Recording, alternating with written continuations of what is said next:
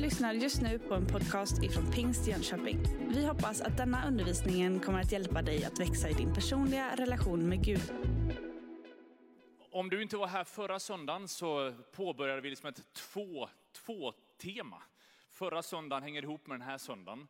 Och förra söndagen fokuserade vi på att höra Guds röst.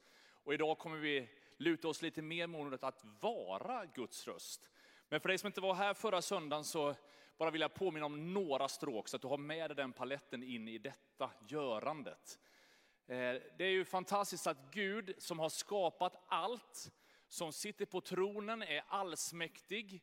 Det fattas inte honom någonting.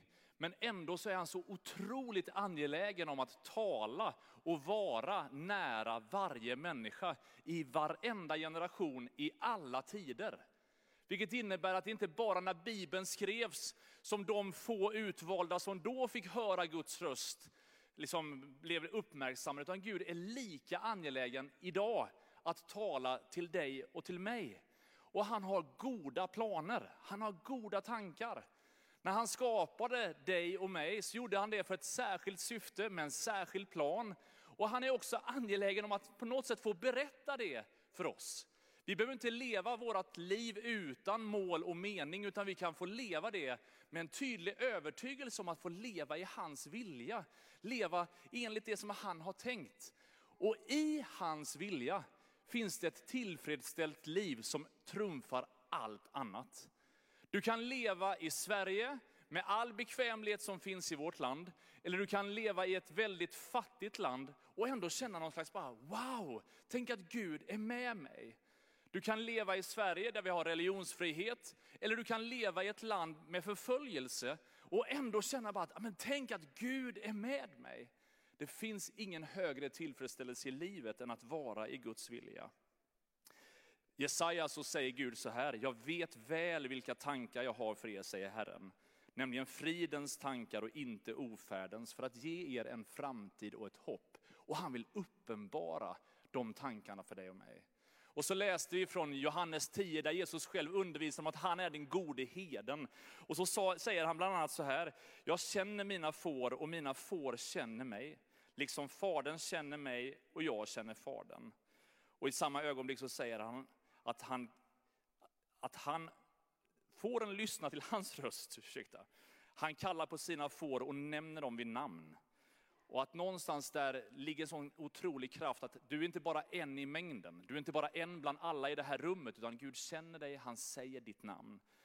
Men när han också kallar oss till sig så ger han oss ett uppdrag. Vi nosade på det förra veckan när vi läste från Gamla testamentet, i första Samuelsboken, hur profeten Samuel som ung pojke levde sitt liv i templet. Han bodde nära, han hade sin sängplats precis bredvid arken, Guds uppenbarelseplats. Men trots att han var så nära det heligaste, så var han ändå inte erfaren av att liksom någonstans känna Guds röst. Så när Gud kallar på honom på natten så tror han att det är prästen som han bor hos som ropar på hans namn. Men till slut så lär han sig att hitta, okej okay, det här är Gud som försöker säga någonting till honom. Och i samma ögonblick som han gör det så adresseras någonting att inte bara faktiskt han skulle få ett tilltal, utan han skulle få förmedla och vara Guds röst. Och i slutet av gamla testamentet i Joels bok så står det om att det ska komma en dag då Herren ska utgjuta sin ande över allt kött. Och så ska era söner och döttrar, en ung generation ska börja profetera. Och tjänare och tjänarinnor ska profetera och gamla ska få se syner och ha drömmar. Och någonstans så ser vi i slutet av Gamla Testamentet en profetisk längtan av att det, det ska komma en tid då det där som bara händes lite stötvis i vissa personer nu ska utgjutas över alla. Och det är det där anslaget som liksom Petrus kliver fram och adresserar på pingstdagen. Den där första pingstdagen efter Jesu uppståndelse när anden faller över lärjungarna. 120 personer ungefär, män och kvinnor, olika åldrar. Guds ande bara kommer över dem i ett bönemöte som tungor av eld fördelas över dem. Och i samma ögonblick så bryts deras fruktan av att någonstans tro att de står på tur att dö, till att bli frimodiga i sitt vittnesbörd. Och så adresseras, nu kommer en ny tid då många människor inte bara ska få höra Guds röst, bli kallad vid namn, personligt närma sig Jesus, utan också faktiskt få vara Guds röst. Och Förra söndagen så gick det så lite halvknackigt för mig när jag predikade. Jag tyckte inte när jag kom hem att det var liksom kanske min absolut bästa. Eh, Gud, kunde, ja, Gud är alltid god, men eh, verktyget var inte riktigt i form. Så idag så har jag tagit hjälp av fyra stycken vänner som jag kommer ha med i den här predikan. Man försöker säkra upp så att det blir bra på slutet. Men Guds ord är alltid bra, så vi ställer oss upp och så läser vi tillsammans från första Korintierbrevet kapitel 14.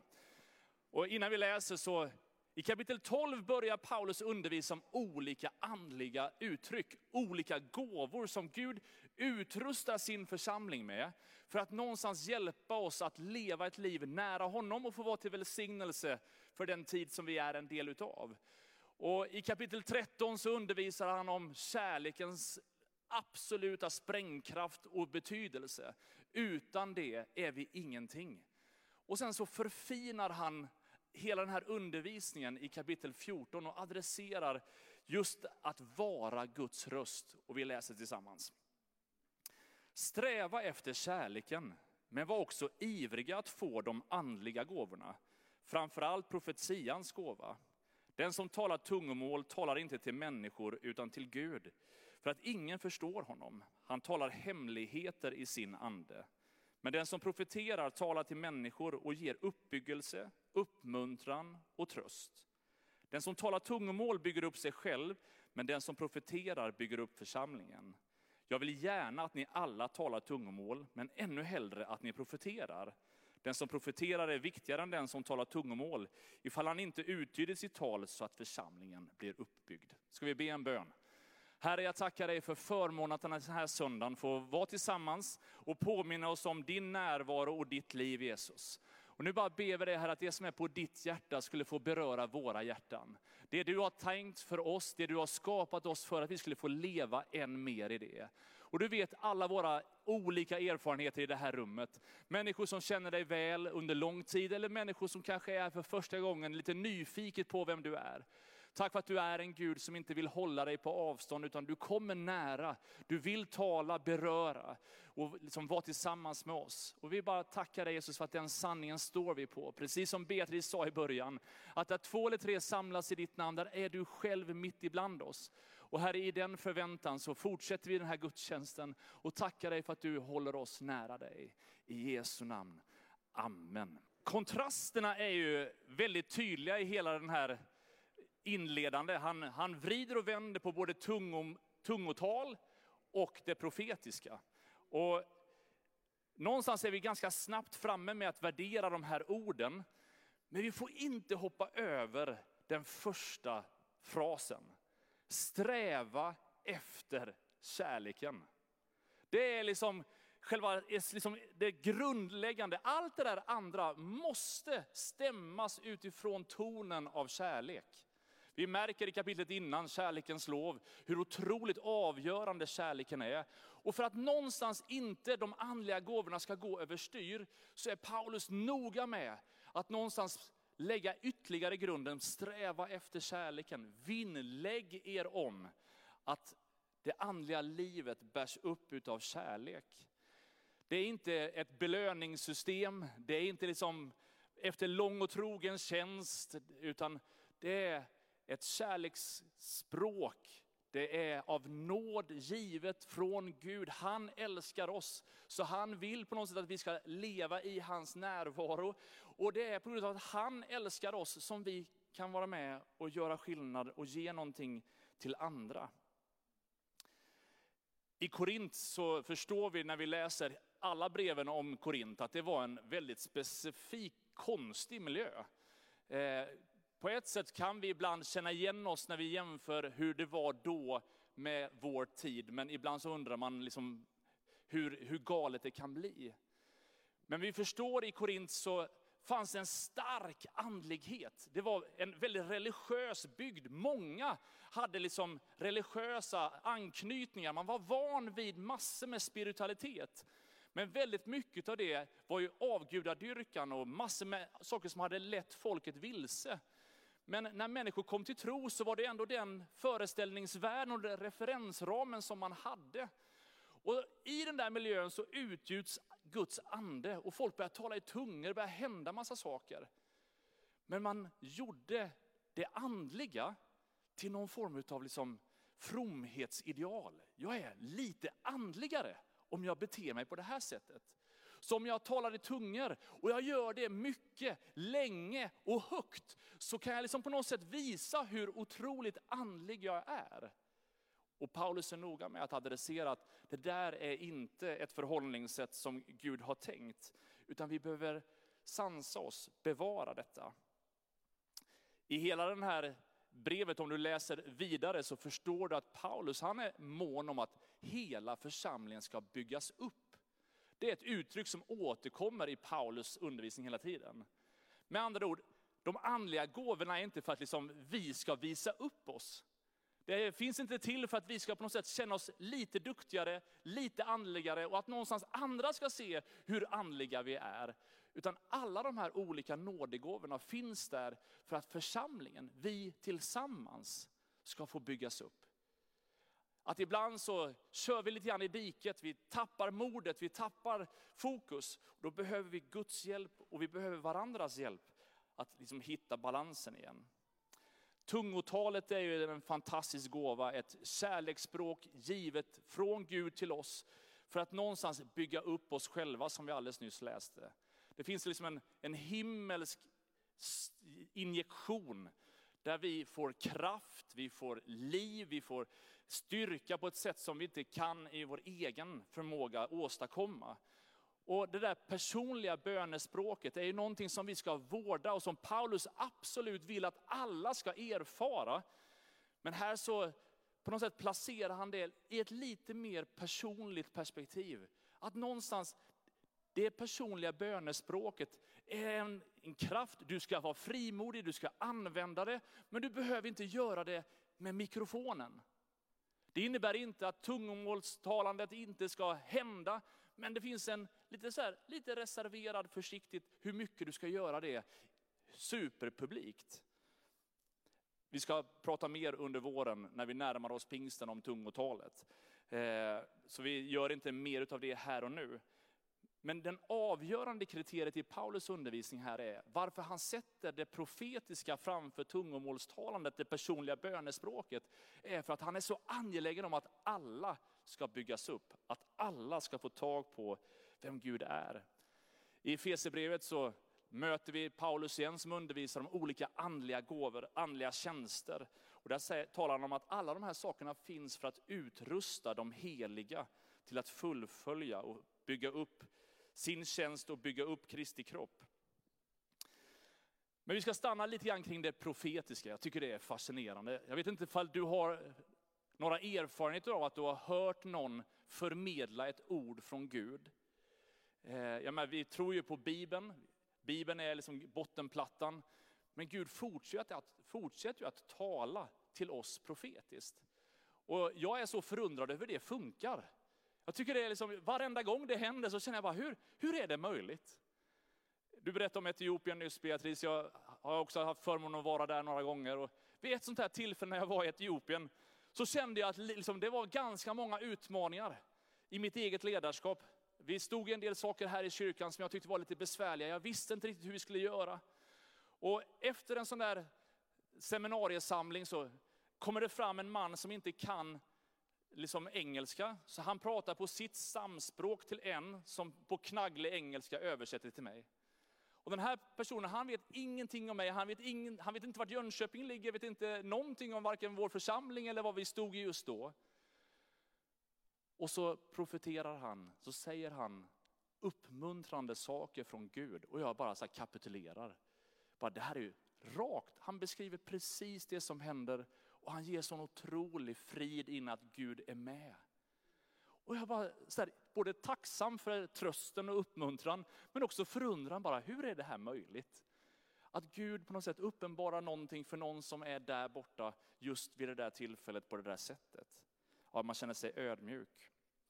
Men att profetera, i grunden så står det för att man, man bär fram någonting. Man lyfter fram någonting.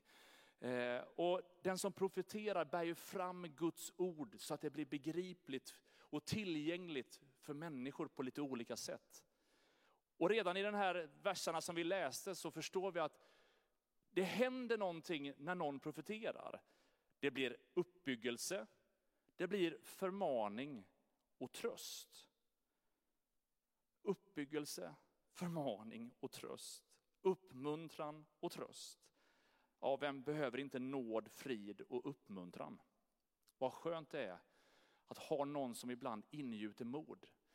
Vi har ju varit på läger en del av oss. Jag var med på familjeläger. Vi bodde i det huset som inte fick magsjuka, så vi kunde åka skidor och ha samlingar som var tänkt. Gud förbarme sig över dem som fick göra annorlunda. Men i skidbacken med en liten sjuåring, då behöver man verkligen profetera. Och bara, du kan det här. Du, det här är inte brant. Kör på, ta mer fart, du vågar. Det här kommer gå bra. Eh. Och jag tror att det profetiska i någon mening är en sån röst. För att du och jag inte ska vika av från det Gud har kallat dig till.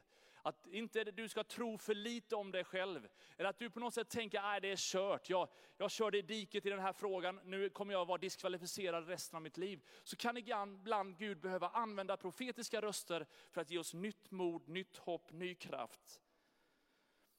Och I det här så behöver vi förstå att Gud använder det profetiska för att någonstans hjälpa oss att fullfölja det Gud har tänkt. Vi ser det i Paulus undervisning till Timoteus i första Timoteusbrevet. När han säger så här, försumma inte nådegåvan i dig, den som du fick genom profetord när de äldste la händerna på dig. Någonstans var det som att när människor la sina händer på dem och profeterade, så på något sätt etsade sig vissa ord fast. Det blev liksom ett statement som jag kunde komma tillbaka till. Och att Gud har sagt någonting gör att jag kan vara trygg när livet blir lite annorlunda. Och den profetiska gåvan blir därmed en förmåga att någonstans hjälpa oss som församling att både uppenbara sanning, förkunna den och vid rätt tillfälle så ger den också insikt. Och, och ibland kan den faktiskt ge anledning till ånger, att jag omvänder mig och känner att jag behöver på något sätt förnya mitt förbund med Herren. Det kan gälla framtiden, men ganska ofta så är det nuet, här, som påverkas. I hela Paulus undervisning så är ordet att det ska vara begripligt viktigt. Tungomålstalandet, det är ju obegripligt. Det går ju på något sätt förbi, någon, liksom, det är någon slags direktkontakt med himlen. Ett språk som låter konstigt och på något sätt därför som vi behöver vara lite reserverade på hur vi använder det. Men däremot så behöver vi vara begripliga. Och det profetiska har en förmåga att göra det, det som verkar svåråtkomligt blir väldigt personligt och nära. Det finns lite olika dimensioner och jag vill bara kort ta dig med på dem. Att I slutet av kapitel 14 så säger faktiskt Paulus så här att alla kan profetera. Det är ju rätt häftigt om man tänker på hur många vi är i det här rummet, att varenda en här inne skulle Gud kunna tala till just nu och du kan få frambära en hälsning från himlen till församlingen. Nej, men jag, jag, är inte, jag har inte den profetiska gåvan, jag är inte en profet. Nej, det kanske du inte är, men alla kan profetera. Ibland läser vi de här listorna på något sätt. Vi gör det till listor och tänker så här att okej, okay, här är det en person som är sjuk, men jag har ju inte helandets gåva. Ja, men vem har det? Det vet jag inte vem som har. Ja, då kan vi inte be. Så funkar inte Gud. Om du tror på Gud, om Guds ande bor i dig, så kan du när som helst, var som helst vara använd av honom, tror jag, i alla gåvor. Alla kan profetera. Du kan be för den sjuke. Och här är det liksom väldigt tydligt att alla kan profetera. Det är också viktigt att någonstans tänka på det, för det gör att ingen här är på det sättet andligare och har mer med Gud att göra och hör lite tydligare från Gud. Och så får vi andra bara blint följa. Nej, alla kan profetera. Vi är alla ett allmänt prästadöme, brukar man säga. Vi har alla förmågan att höra från Gud och vara ambassadörer för hans röst.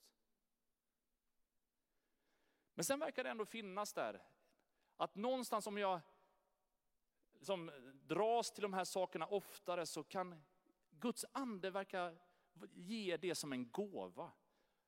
Att ha en profetisk gåva.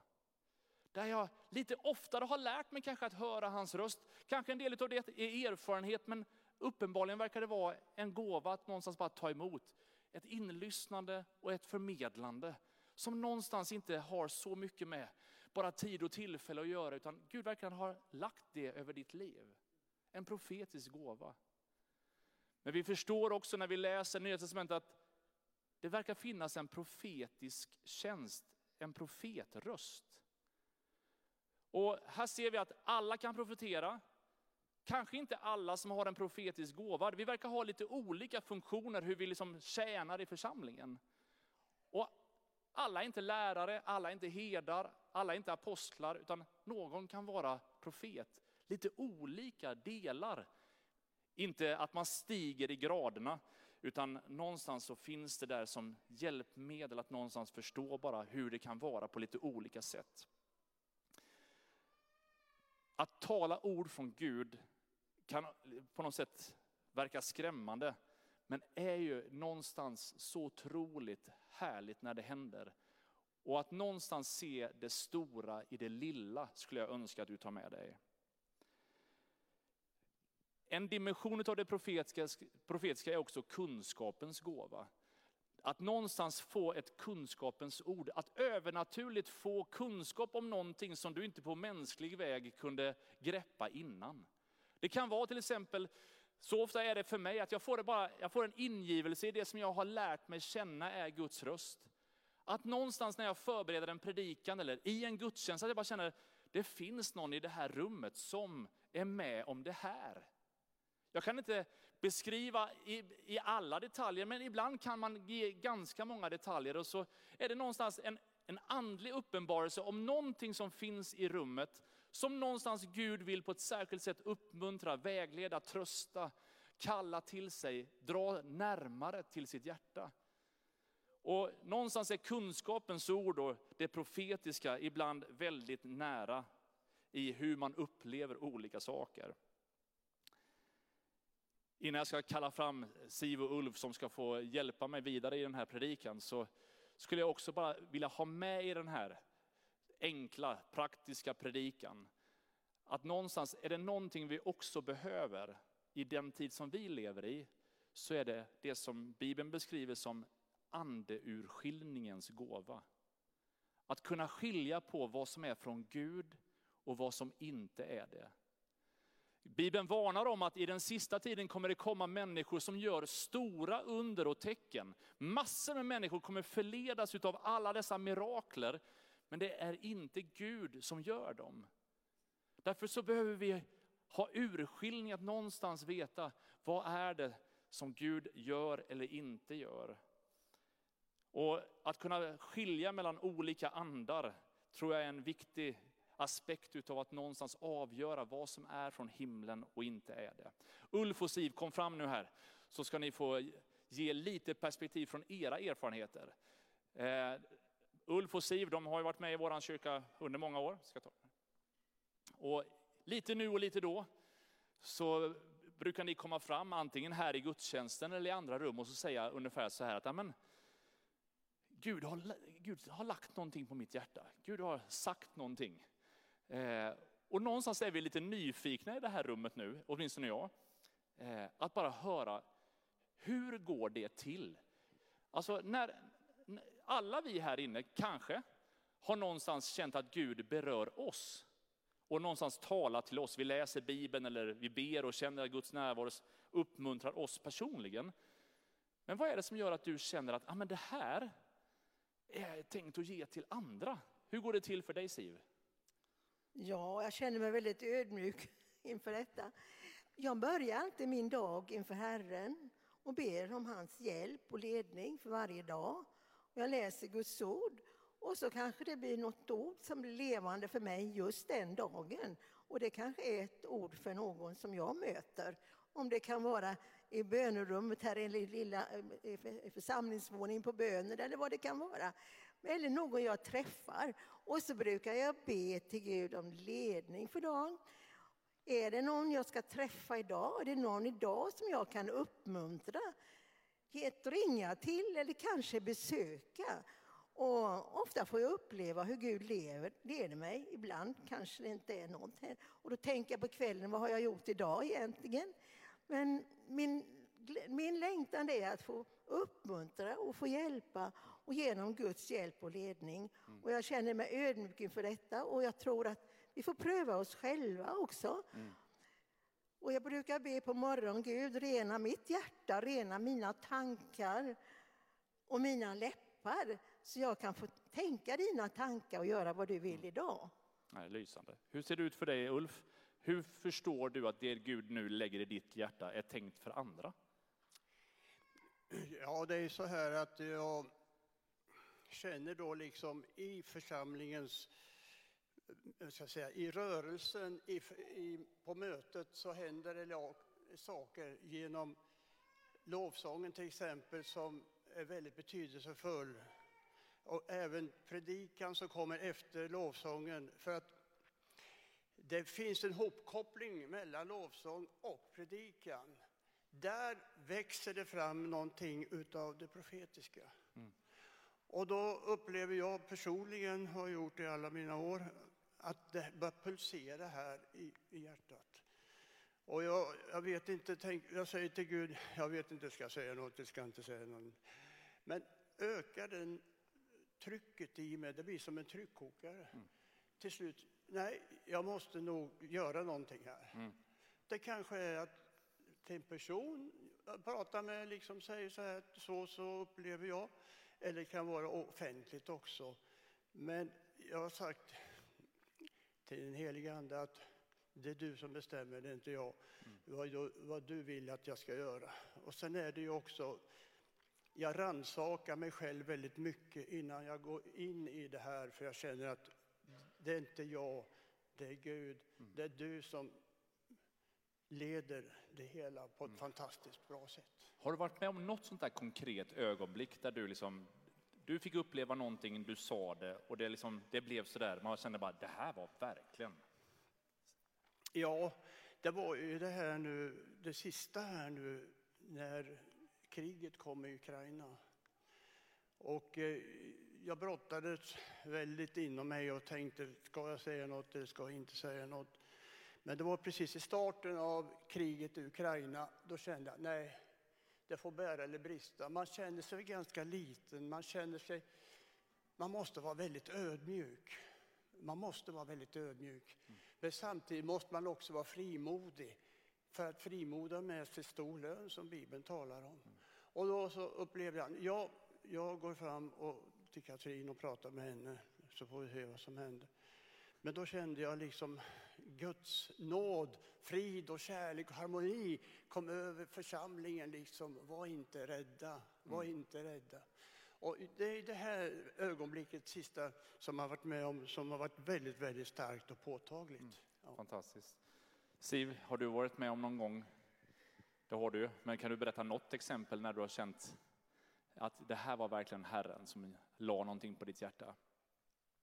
Ja, Marcus, du läste ju här lite från början från Joels profetia att gamla män, och jag inser att det är kvinnor också, ska ha drömmar. Och jag upplevde faktiskt något, något sådant för inte så länge sedan. Jag ska inte relatera allt. Men eh, det var någon mera som var inblandad och jag såg tre nycklar. Och eh, man skulle öppna öppna dörren eller öppna väggen till ett område. Och det första, den första nyckeln det var till bönen, till böneområdet. Och det menar jag inte det är bara här i kyrkan utan jag tänker på alla som ber. Och där fanns det nyckel till nästa rum och det var den strategiska bönen.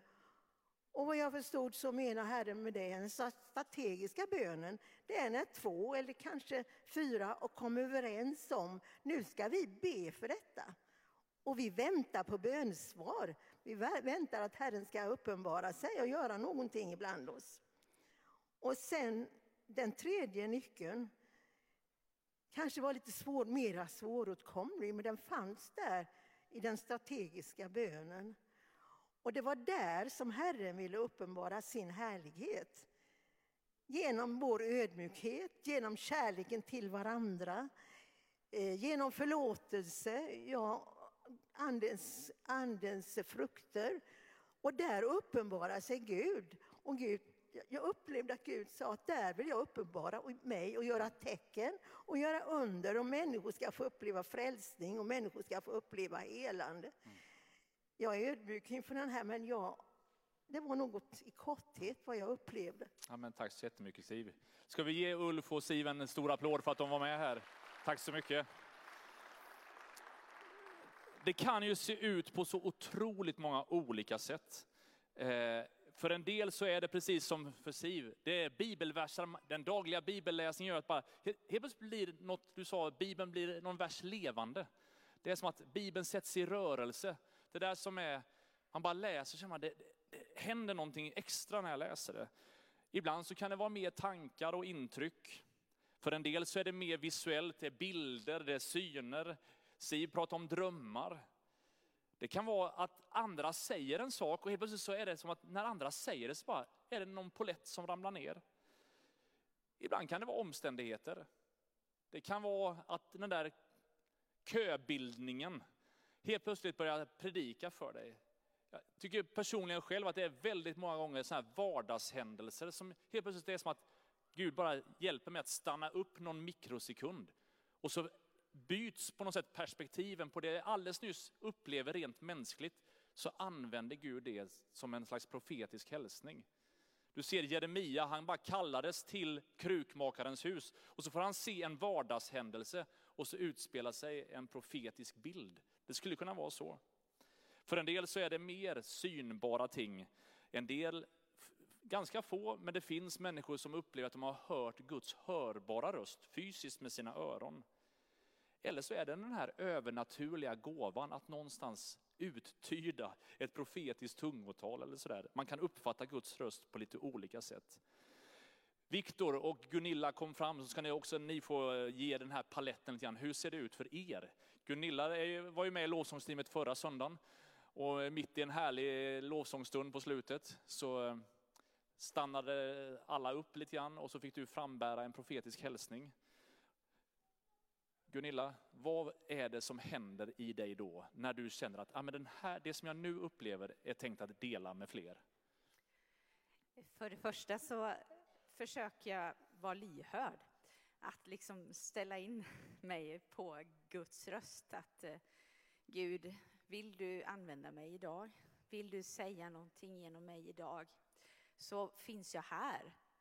Det är liksom det första jag försöker be Gud att hjälp mig nu att jag hör det du vill att jag ska säga eller göra. Ibland så tycker jag inte att jag hör någonting, men ibland så händer det då att jag hör någonting. Och då kan jag känna liksom att det kommer någonting så här först. Okej, okay, tänker jag. Mm, vi får se. Och sen kanske det kommer lite till. Eh, och då, då oftast är det kanske sånt där som jag själv inte känner att, var kom det här ifrån liksom?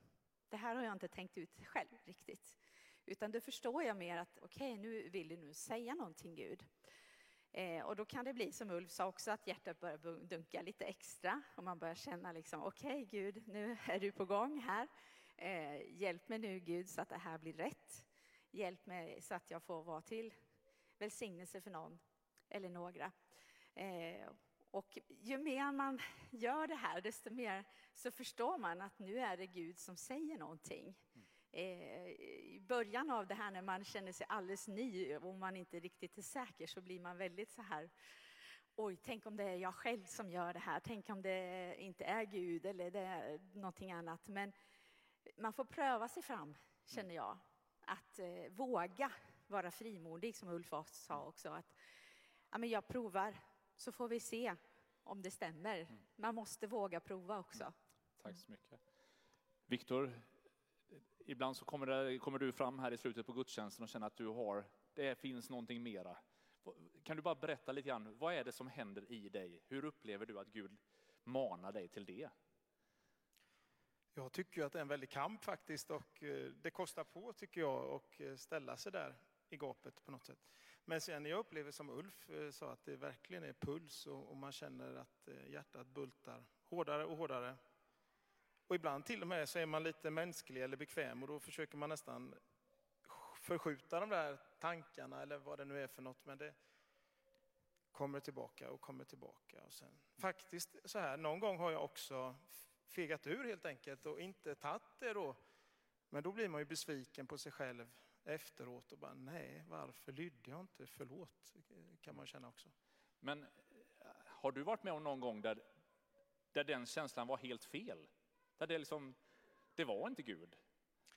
Ja, inte, alltså till en person har jag eh, sagt något som jag då upplevde var så, ja, som jag upplevde var rätt, men faktum var att det var nog inte det, utan det var nog mina mänskliga tankar. Så att jag fick ju gå tillbaka. Efter det tog en tid innan jag förstod, för Gud liksom stängde dörrar för det där som jag, den där hälsningen som jag hade. Så det blev aldrig möjligt så som jag trodde och tänkte. Så att jag fick gå tillbaka och be om ursäkt att förlåt, det där var nog... Men hur, hur, att, hur vågar man försöka igen? Ja, det kostar ju på. Ja, men jag vet inte. Det, man vill ju vara lyhörd och man vill ju försöka lyda helt enkelt. Så att eh, hellre, det låter ju så stort att säga det, men man vill ju hellre lyda Gud och kanske misslyckas någon gång i så fall än att eh, man blir så besviken, som jag sa nyss, när man förstår att Gud har lagt något på ens hjärta och, och eh, man fegar ur helt enkelt. Då. Så att, ja, man vill ju försöka lyda. Vad skulle du liksom uppmuntra människor i det här rummet med som på något sätt står där på brottningskampen, hjärtat pulserar lite eller hur det nu än ter sig där på insidan. Alltså, vad skulle du kunna uppmuntra dem så att de vågar ta ett första steg? Ja, men eh, för mig så tycker jag ju att till exempel en smågrupp är ju utomordentligt, eh, där kan man ju träna och så kan man säga, ja, men jag, jag vet inte, alla får pröva det här, men jag har den här känslan att, vad det nu är man känner då, eh, och då känner man ju varandra förhoppningsvis i en smågrupp något sånär så att man tål att träna, om man kan använda det ordet. Mm. Ja, jättebra. Gunilla, har du någon god erfarenhet där det du fick förmedla fick verkligen betyda och du kände liksom att i bekräftelsen att det blev, det var verkligen Gud som gjorde någonting som du vill dela med oss? Eh, jag har väl kanske inte riktigt så här just nu som jag kommer på, men en sak som jag vet att Gud ledde mig. Jag tror att Gud oftast kan tala till oss också när vi är ensamma med Gud eh, och har en stund för honom och ber. Jag vet en gång när jag satt och skulle ha min andakt på en kväll så kom det ett namn i mitt huvud. En, en tjej som jag kände som jag bara fick att nu ska du be för den här människan. Du ska be för henne. Eh, och jag visste liksom inte, okej, okay, klockan var nio på kvällen, jag ber för den här personen. Och så här tror jag att Gud kan göra också, att han kan ge oss människor som vi ska be för konkret. Eh, och sen dagen därpå så träffade jag henne och så frågade jag, eh, vad hände den här tiden igår kväll? För jag kände att jag skulle be för dig. Och då tittade hon på mig med tårar i ögonen och sa, jag hade det jättejobbigt då. Det hände någonting som var väldigt, väldigt jobbigt. Mm. Och då fick jag vara med där och be för det här. Mm. Det är också ett sätt tror jag, att höra Gud tala när, när han vill att vi ska be för någonting speciellt. Mm. mm. Ja, jag, jag minns, Viktor, du ringde mig, det, nu är det många, några år sedan, men då sa du bara, du, är du på jobbet? Och jag bara, ja, jag är här i kyrkan, kan jag bara komma förbi? Jag har en grej.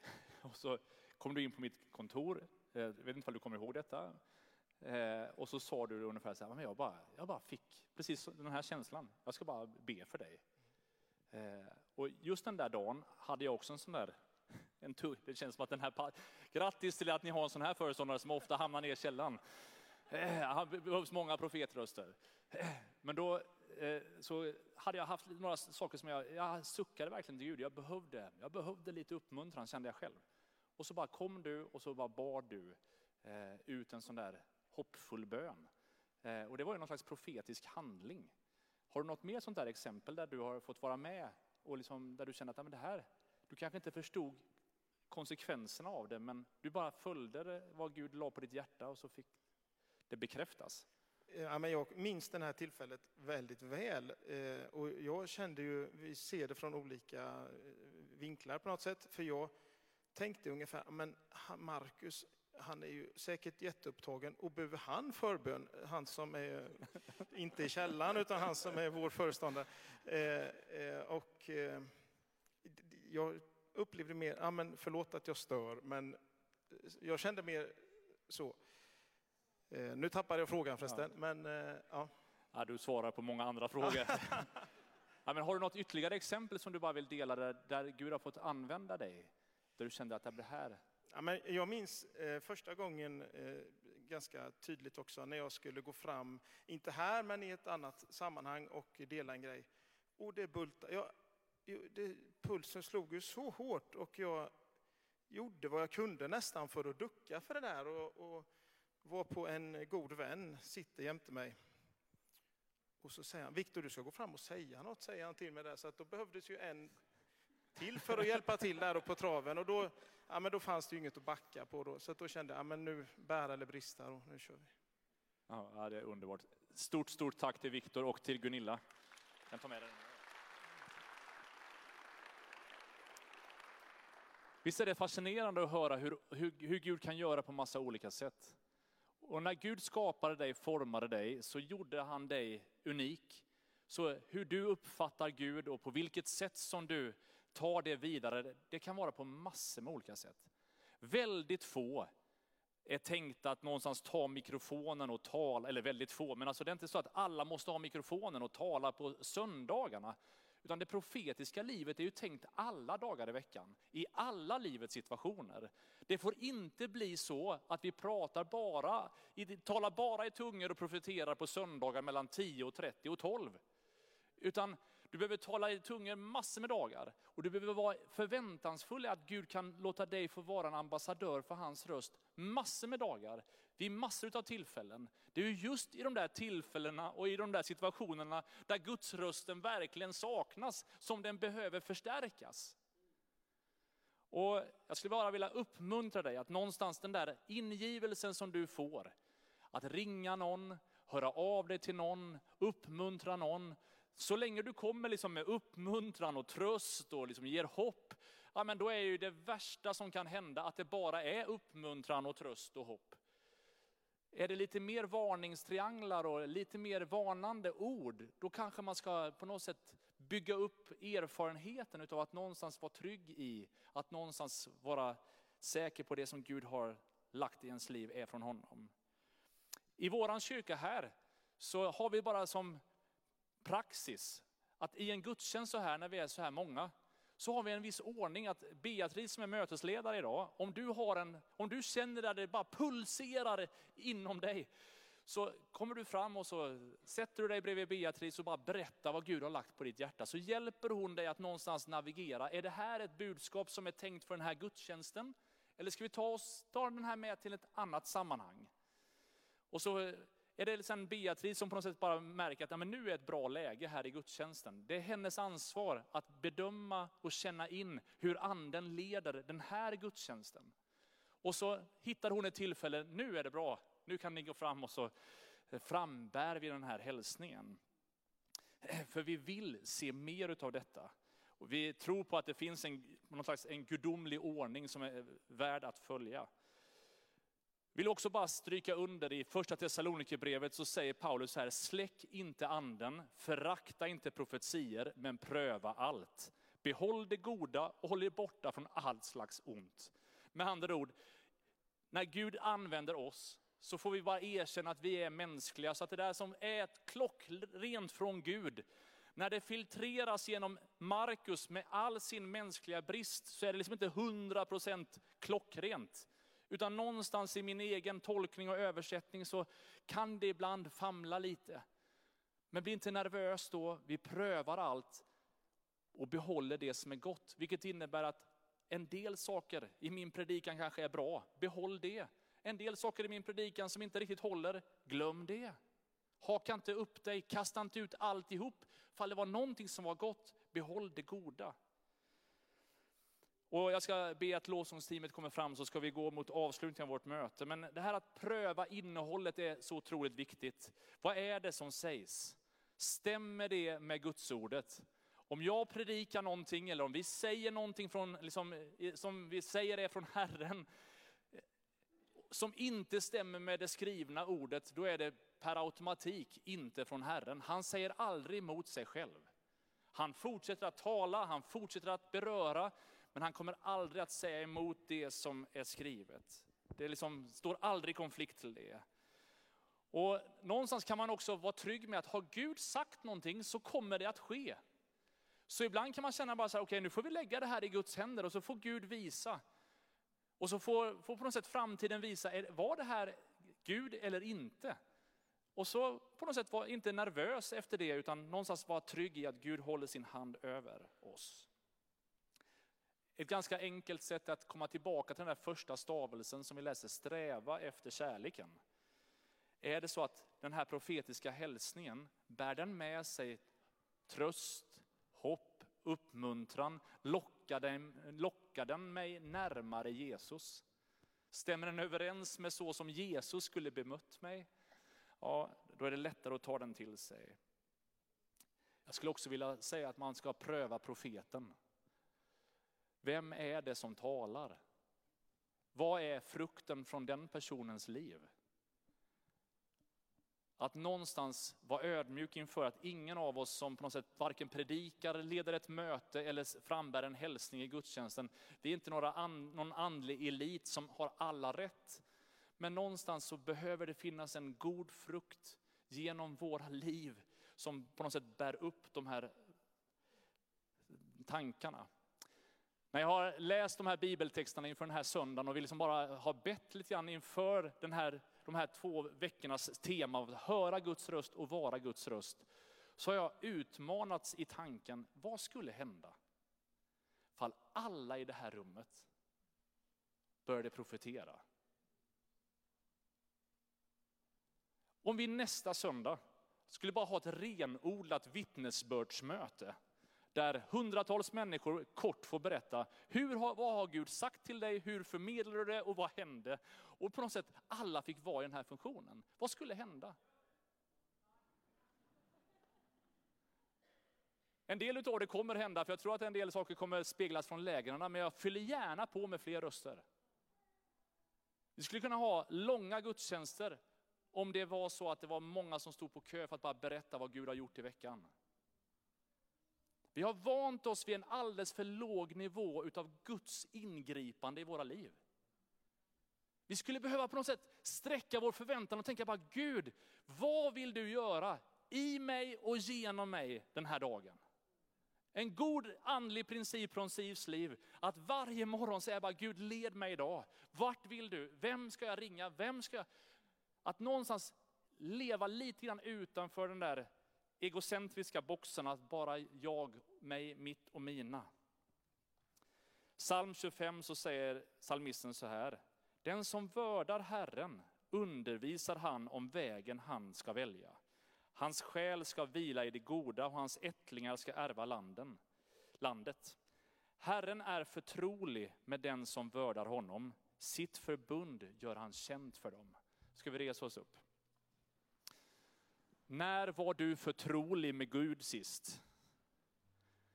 När utgöt du ditt hjärta och sa bara Jesus det här är mina önskningar, det här är mina utmaningar, det här är de situationer jag skulle behöva liksom, mer utav dig i. Och när upplevde du tvärtom, att Gud fick tala förtroligt med dig? Han fick säga, men Mattias jag vet ju vad jag kallade dig till. Ulla jag vet det här har jag skapat dig till och jag bara önskar att du skulle se det här. Jag skulle vilja använda dig på det här sättet den här veckan som kommer. Du inbjuds till en sån nära gemenskap, att vara nära honom. Om en liten stund kommer vi sjunga lovsången, vi kommer vara i bön för att någonstans bara närma oss Gud, sträcka oss efter honom. Och här på min högra sida finns det förebedjare som har ägnat hela morgonen åt att be för den här gudstjänsten och be för dig. Redan innan du var här har de bett för att du ska få det möte med Herren som du så som innerligt längtar och behöver. Du kan få berätta för dem din berättelse om du vill och de kan få be enkelt för dig. Här på min vänstra sida, du behöver inte berätta någonting. Du bara uttrycker din längtan efter mer utav Gud genom att komma fram. Och är det så att du vill berätta något så är det ingen som hindrar dig. Men så kommer de också bara välsigna dig och be att du skulle få höra Guds röst tydligare, klarare. Men innan vi gör det skulle jag bara önska att vi i det här rummet blundar allesammans. Någonstans pröva vårt eget hjärta. Om det är så att vi kan få höra Guds röst och vara Guds röst. Är det en verklighet som du lever i? Hör du Gud? Och är det någonting som du behöver rensa undan för att höra hans röst tydligare? Om några veckor börjar vi ett nytt tema i kyrkan utifrån fasteperioden. Att på något sätt begränsas för att berikas. Att på något sätt lägga ifrån sig saker för att ännu tydligare höra hans röst. Men kanske att det du redan idag behöver någonstans bara be Gud om hjälp att någonstans lägga saker ifrån dig så att hans röst hörs tydligare i ditt liv. Kanske är det så att du är i den här gudstjänsten som har varit med om andliga saker. Man har talat i andliga termer, men man har gjort det på ett vårdslöst sätt. Så att du känner att det är lite minerad, skadad mark i ditt liv. Det var någon som sa, så säger Herren. Och du kände att det bara bröt inom dig. Men det har alltid varit så där svårt att förhålla sig till det. För att han sa ju att så säger Herren. Och vem är jag att någonstans säga emot det? Och så går du lite grann kränkt i din andlighet. Ett andligt maktmissbruk kanske, eller ett andligt övergrepp som du känner bara, åh, jag, jag skulle vilja att det här var en verklighet i mitt liv, men de här sakerna har gjort det sårigt. Och du behöver bli helad på insidan. Vi ska be att Gud bara får röra vid dig. Jesus, jag ber för hela vår församling. Herre, jag ber dig att du skulle dra oss närmare dig och att du skulle tala förtroligt till oss. Herre, att det inte bara är genom en eller några, ibland i ett visst rum som får höra din röst, utan att vi alla tydligare skulle höra dig. Beröras utav dig. Heligande, vi behöver din hjälp. Dra oss nära dig. Måla Jesus tydligt för oss.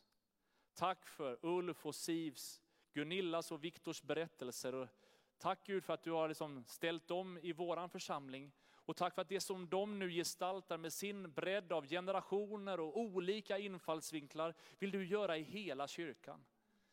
Herre, väck en hunger, en passion, en längtan, en lust att ännu mer höra från dig, beröras utav dig. Låt oss få leva med en större förväntan på att du talar, att du vill gripa in Jesus. Herre, vi ber dig. Herre, vi ber dig. Du har just lyssnat på en podcast ifrån Pingst Jönköping. För att få reda på mer om vilka vi är och vad som händer i vår kyrka så kan du gå in på pingstjonkoping.se eller följa oss på sociala medier via pingstjkpg.